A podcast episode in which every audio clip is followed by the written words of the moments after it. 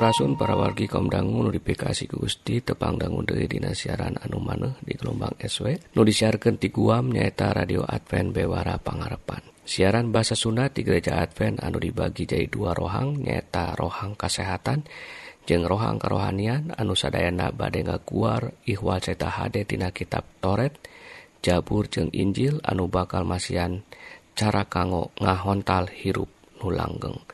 Upami para wargi ngaros diberkahan atanapi aya patarosan tiasa ngontak Kasim Abdi di serat email nyaeta bewarapangharapan at gmail.com Mugia orang tiasa saling nguatkeun dina nadangan hirup anu campuh ku hal-hal duniawi mugia orang tiasa ngengken hirup nu pinuh ku katentreman di lebet isal masih nu kawasa di dunia jeng akhirat. Mangga parwargi urang sami-sami ngadangukeun rohang kasehatan.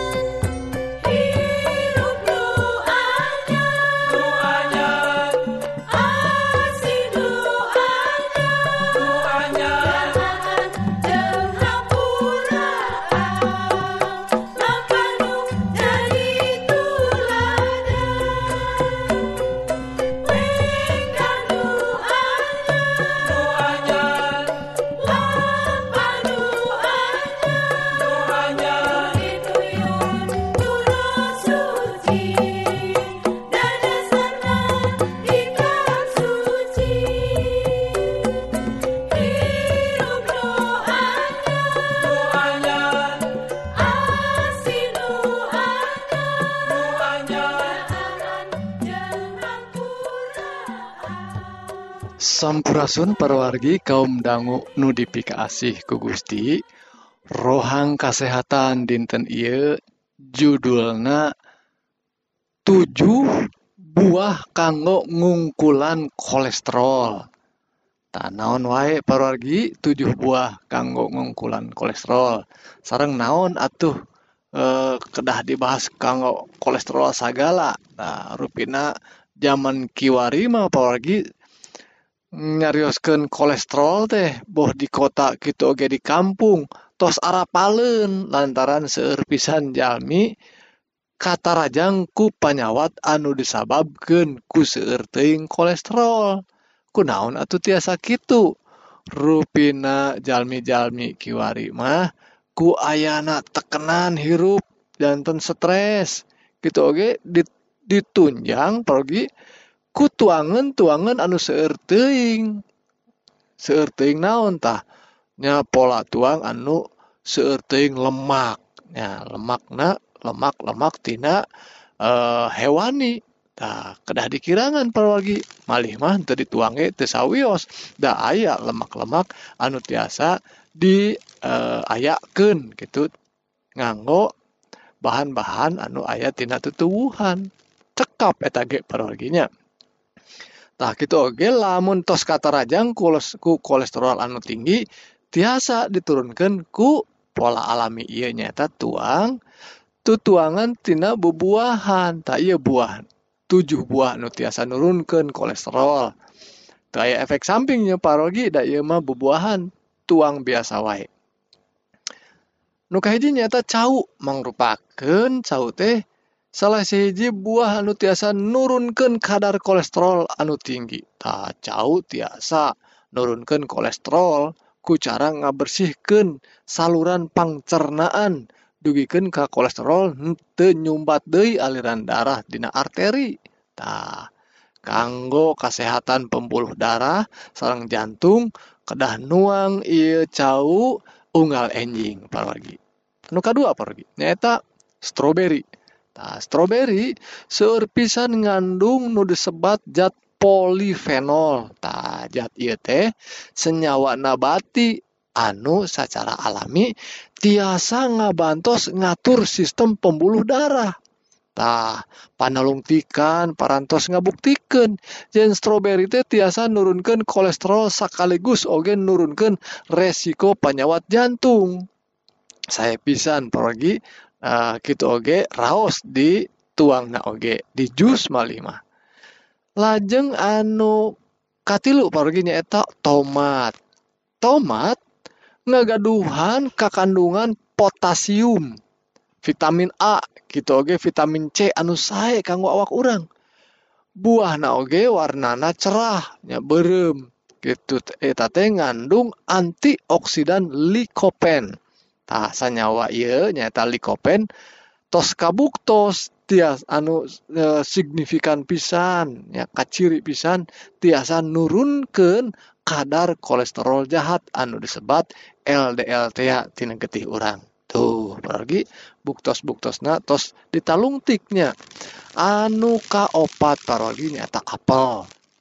Apel teh ku ilmu pengatu, peng, uh, pengetahuan anu tos ngabuktos saurna tos eh, satuju oge yen nuang apel hiji apel sadinten tiasa ngajauhkan orang ti dokter. Hartina tekedah ka dokter kulantaran sehat. Tah memang panalungtikan parwargi tos ngabuktuskeun. Lamun orang nuang hiji apel secara rutin unggal dinten tiasa nurunkan kadar kolesterol. Total. Nya kalah kadar kolesterol total tina getih. Tah lamun orang disarankeun kanggo nuang apel sareng ya, sareng kulitna paragi kena dibersihan heula tapi nya tak kulit buah apel teh ngandung senyawa anu sae nya senyawa antioksidan fenolik. Anu tiasa ngalancarkeun pangcernaan getih urang. Saya pisannya parginya Ah, lajeng ayeuna nu kalima pargi nu kalima nyaeta alpukat alpukat teh seueur pisan. Kakandungan lemak sareng serat anu teu jenuh. Ah, sar serat tak jenuh ya. Anu tiasa nyehatkeun jantung urang. Tah lamun nuang buah alpukat ah, tiasa ngabantos ngirangan resiko panyawat jantung atau stroke. Oh pepelakan orang di payun aduh tanah anak kene pelakannya pelakan ku tangkal alpukat maksud abdinya tah parwargi uji klinis secara konsisten mendakan yen alpukat tiasa nurunkan kolesterol jahat nyata LDL tina getih urang. Saya pisan perginya ayeuna nu kagenep? Nyata anggur. Eh, anggur ada awisnya pergi nanging rupina anggur teh ngandung senyawa polifenol. Senyawa iya tiasa ngirangan eh, ngurangan karusakan sel. Tah nuang hiji uh, dugikeun ka dua cangkir.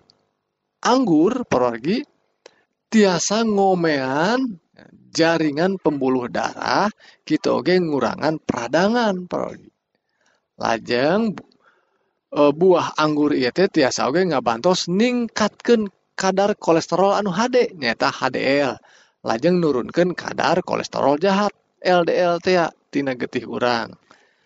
Lajeng anu pamungkas parogi nu katujuh nyaeta lemon. Lemon teh ngandung pektin gitu oge bioflavonoid. Eh, sarang asam sitrat vitamin A B hiji B2 C sarang serat-serat. Tah nutrisi kakandungan nutrisi tina lemon tiasa nurunkeun kadar kolesterol tinggi. Ya. Tiasa oge ngungkulan radang tenggorokan ya. Tiasa oge eh, ngungkulan panyawat flu sariawan dugikeun ka eh, demam. Panas awak urangnya gitu oge cara ngonsumsi lemon kanggo kesehatan gampil pisan ya. Eh, urang cukup ngaleut caina dina campuran persan lemon anu seger. Tah sakitu parogi tujuh bubuahan anu sae kanggo ngungkulan panyawat ku ayanak seueur teuing kolesterol. Mugi-mugi ieu rohang kesehatan jantan berkah kanggo kesehatan urang sadaya. Amin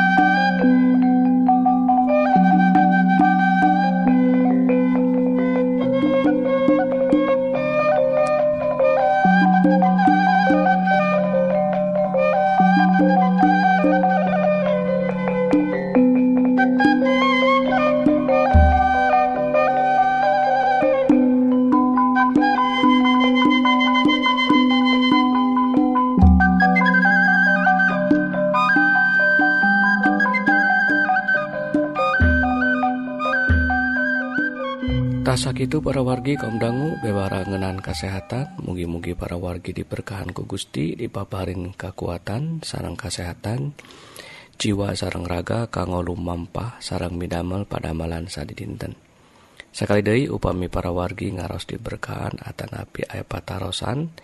Tiasa ngontak Kasim Abdi dina serat email nyaeta bewara pangharepan at gmail.com Mugia urang tiasa saling nguatkan dina nandangan hirup anu campuhku hal-hal duniawi mugia urang tiasa ngengken hirup anu pinuhku katentreman di lebet is almasih nu kawasa di dunia jeung akhirat Salajengna hayu atuh kaum dangu urang terasken kana rohang rohani anu badai ngaguar pengajaran kanggo urang tiasa lebet kasawarga jeung kengeng hirup anu langgeng. anu ungelna tina kitab suci Suma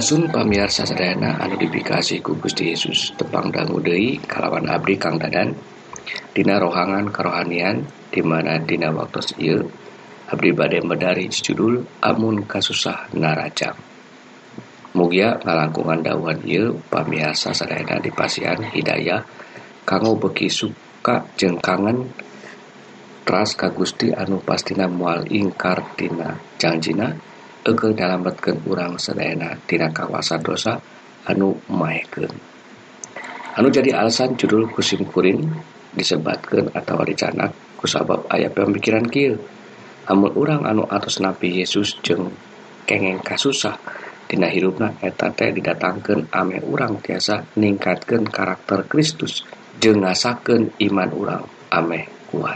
Ia jadi alasan ia jadi ulah jeung ulah mundur. Kusabab kasusah ieu sabab aya istilah naon bedana cenah? Percaya jeung henteu tetep keneh malarat jadi urang kedah boga pamikiran anu bener yen kasusah datang ame pameyarsa jeung urang sadaya beki kuat tina imana. Gusti Allah pasian izin karena kasusah-kasusah hirup. Jadi jalan tina rancangan anak anu sampurna teh Eker pala putrana amun marana sabar karena kayan ia marana pastina bakal kengeng berkah anu ageng Dina bilampana urang sarang Gusti Allah urang bakal kena karena ujian jeng halangan-halangan anu disebatkan Dina kitab suci mah cocobi. Kasusah datang karena hirup urang ayam maksud jeng tujuan ti Gusti Allah. supaya manusia bagi yakin jeng percaya keaman tenang jeng ngurangan kegantungan karena tanaga atau kawasa dirinya sorangan. Ngandina kanyatana kasusah teh mual gampang di jalanan ku manusia. Namun dina anu sanesna urang jadi lebih katingal eger ngadangukeun suatna Gusti di waktu ning harapan kasulitan-kasulitan dibanding amun sadayana dina kayaan aman. Kahiji kasulitan menghasilkan katekunan sarta meningkatkan jeng nyampurnakan iman urang. Kasabaran sanes sikap pasrah anu pasif nyiharapan kasulit. Ujung sanes oge narima keayaan kasabaran jadi kekuatan eker nampi rasa nyeri jeng cocobi hirup ku ikhlas. Anggap sadayana datang ti Gusti kusabab mantena mika cinta urang sadayana. Gusti Hoyong manusia tiasa ngembangkeun kasabaran sapertos patani anu nyebarkeun bibit tina taneuh anu atau siap dipelakan. Teras ngantep musim datang silih ganti dugi ka ngantos waktos anu pas bari sakedik oge boga rasa prihatin. Tapi yakin yen eta bibit bakal muncul tunas leutik jeung gagedean jadi sabeunyeur serang Yakobus siji ayat 2 dugi ka opat nyebatkeun dulur-dulur upama aranjen menang rupa-rupa gogoda anggap eta sapertos menang rahmat baik. Sabab aranjen tararang yen lamun aranjen tetep percaya ka Gusti dina sajroning nandangan cocoba aranjen bakal leuwih satia mantep dina iman. Sing tetep mantepna ulah beboleh teu papayaan supaya jadi jelma pasagi tidak segala hal taya kekurangan anak. Anu kedua kasusah bakal mere hasil katekunan jeung harapan. Namun orang pada angkat kayak di tempat orang kena milih jalan anu pasti jeung jalanan tanpa asa kedeng-kedeng culang cileng.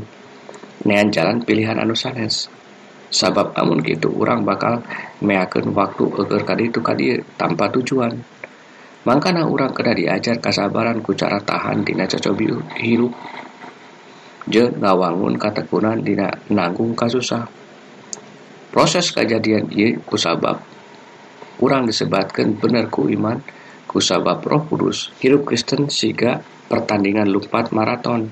Jeng sanes lumpat gancang 100 meter. Kusabab itu hirup kudu jalanan jeng sabar tur ikhlas sabab hati anu pinuh ku pengharapan bakal menang. Rum 5 ayat tilu dugi ka opat. Hirup sangsara oge hati tetap senang. Dume terang yen eta kasangsaraan teh bisa ngalantarkan urang jadi sabar serta eta kasabaran ngajadikan urang tahan uji hari anu tahan uji boga pangharapan. Anu katilu kasusah nguatkan keyakinan karena panantayungan Gusti. Gusti Allah pinuh ku pangasih jeung ngalimpah asih kurniana. Sanajan eker ayeuna urang ngalaman cocobi jeung kasusah datang kana hirup urang eker jalma nu percaya kasusah bakal jadi cara eker naikkan kagantungan urang ka Gusti jeung ngasah sifat anu sami jeung Kristus. Nun ama anu maha kawasa Abdi Seja ngabakti jeung nyangakeun puji jeung pinuhun karena segala berkah anu atos disadiaken kanggo Abdi Sadayana dimana dugi kayuna Abdi masih keneh diberkahan ku kasehatan jeung kasalametan kagungan eker mantena Bapa Rama urang Isa Almasih Rama anu pinuh pangampura jeung welas asih. Mugia Gusti ku asina masih keneh nang tayungan Abdi Sadayana ti ayeuna dugi ka akhir sajarah dunia ieu. mugia Gusti Oge tiasa masihan. Kakiatan kangge Abdi sadayana supaya Abdi tekena ku panyakit anu nuju narajang. Mugia Gusti Oge tetap masihan. Hikmat jeung akal budi kangge Abdi sadayana supados hirup Abdi beki lila beki bener jeung dugi kana kasampurnaan anu kurama diwajibkeun. mugia abdi oge tiasa jadi berkah kanggo sesama supaya nami rama diwawarken jeung dipuja kusakumna manusia nu aya di dunia ia mugia sadaya kalepatan jeung bengberat abdi tiasa dihampura ku Gusti supaya sadaya berkah anu bade lungsur ka abdi kahalangan. Abdi siap jeung sadia kangge milampah dina jalan anu kurama diwajibkeun jeung mual ingkartina janji Satya ia eker tetap muji jeung muja Rama salalamina. Mugia Gusti sumber pengharapan minuhan urang sadayana ku sukacitana jeung damaina di lebet iman urang sadayana supaya ku kakiatan Roh Kudus aranjen berlimpah dina pangharpan eker mantena hiji-hijina Gusti Allah anu pinuh hikmatku Isa Almasih sagala kamuliaan dugi salamina. Mugia nami Gusti ageng jeng luhur salamina. Bewa amin. harapan tasak itu para wargi bewara rohani dinten ieu mugi-mugi para wargi sadaya ngaraos diberkahan. Sarang ngalaman hirup anu tentrem saparantos ngadanggu dauhan Gusti nupastia mual ingkar dina nedunan janji-janjina. Tah upami para wargi hoyong diajar dawuhan Gusti nu langkung jero tiasa ngontak Kasim Abdi. Dina serat email nyaeta bewara pengharapan at gmail.com Mugia urang tiasa saling nguatkan dina nendangan hirup anu campuku hal-hal duniawi. Mugia urang tiasa ngengken hirup anu pinuh ku katentreman. Dilebet is almasih nu kawasa di dunia jeung akhirat. Pidua abdi Mugia Gusti ngaberkahan ka urang sadayana. Amin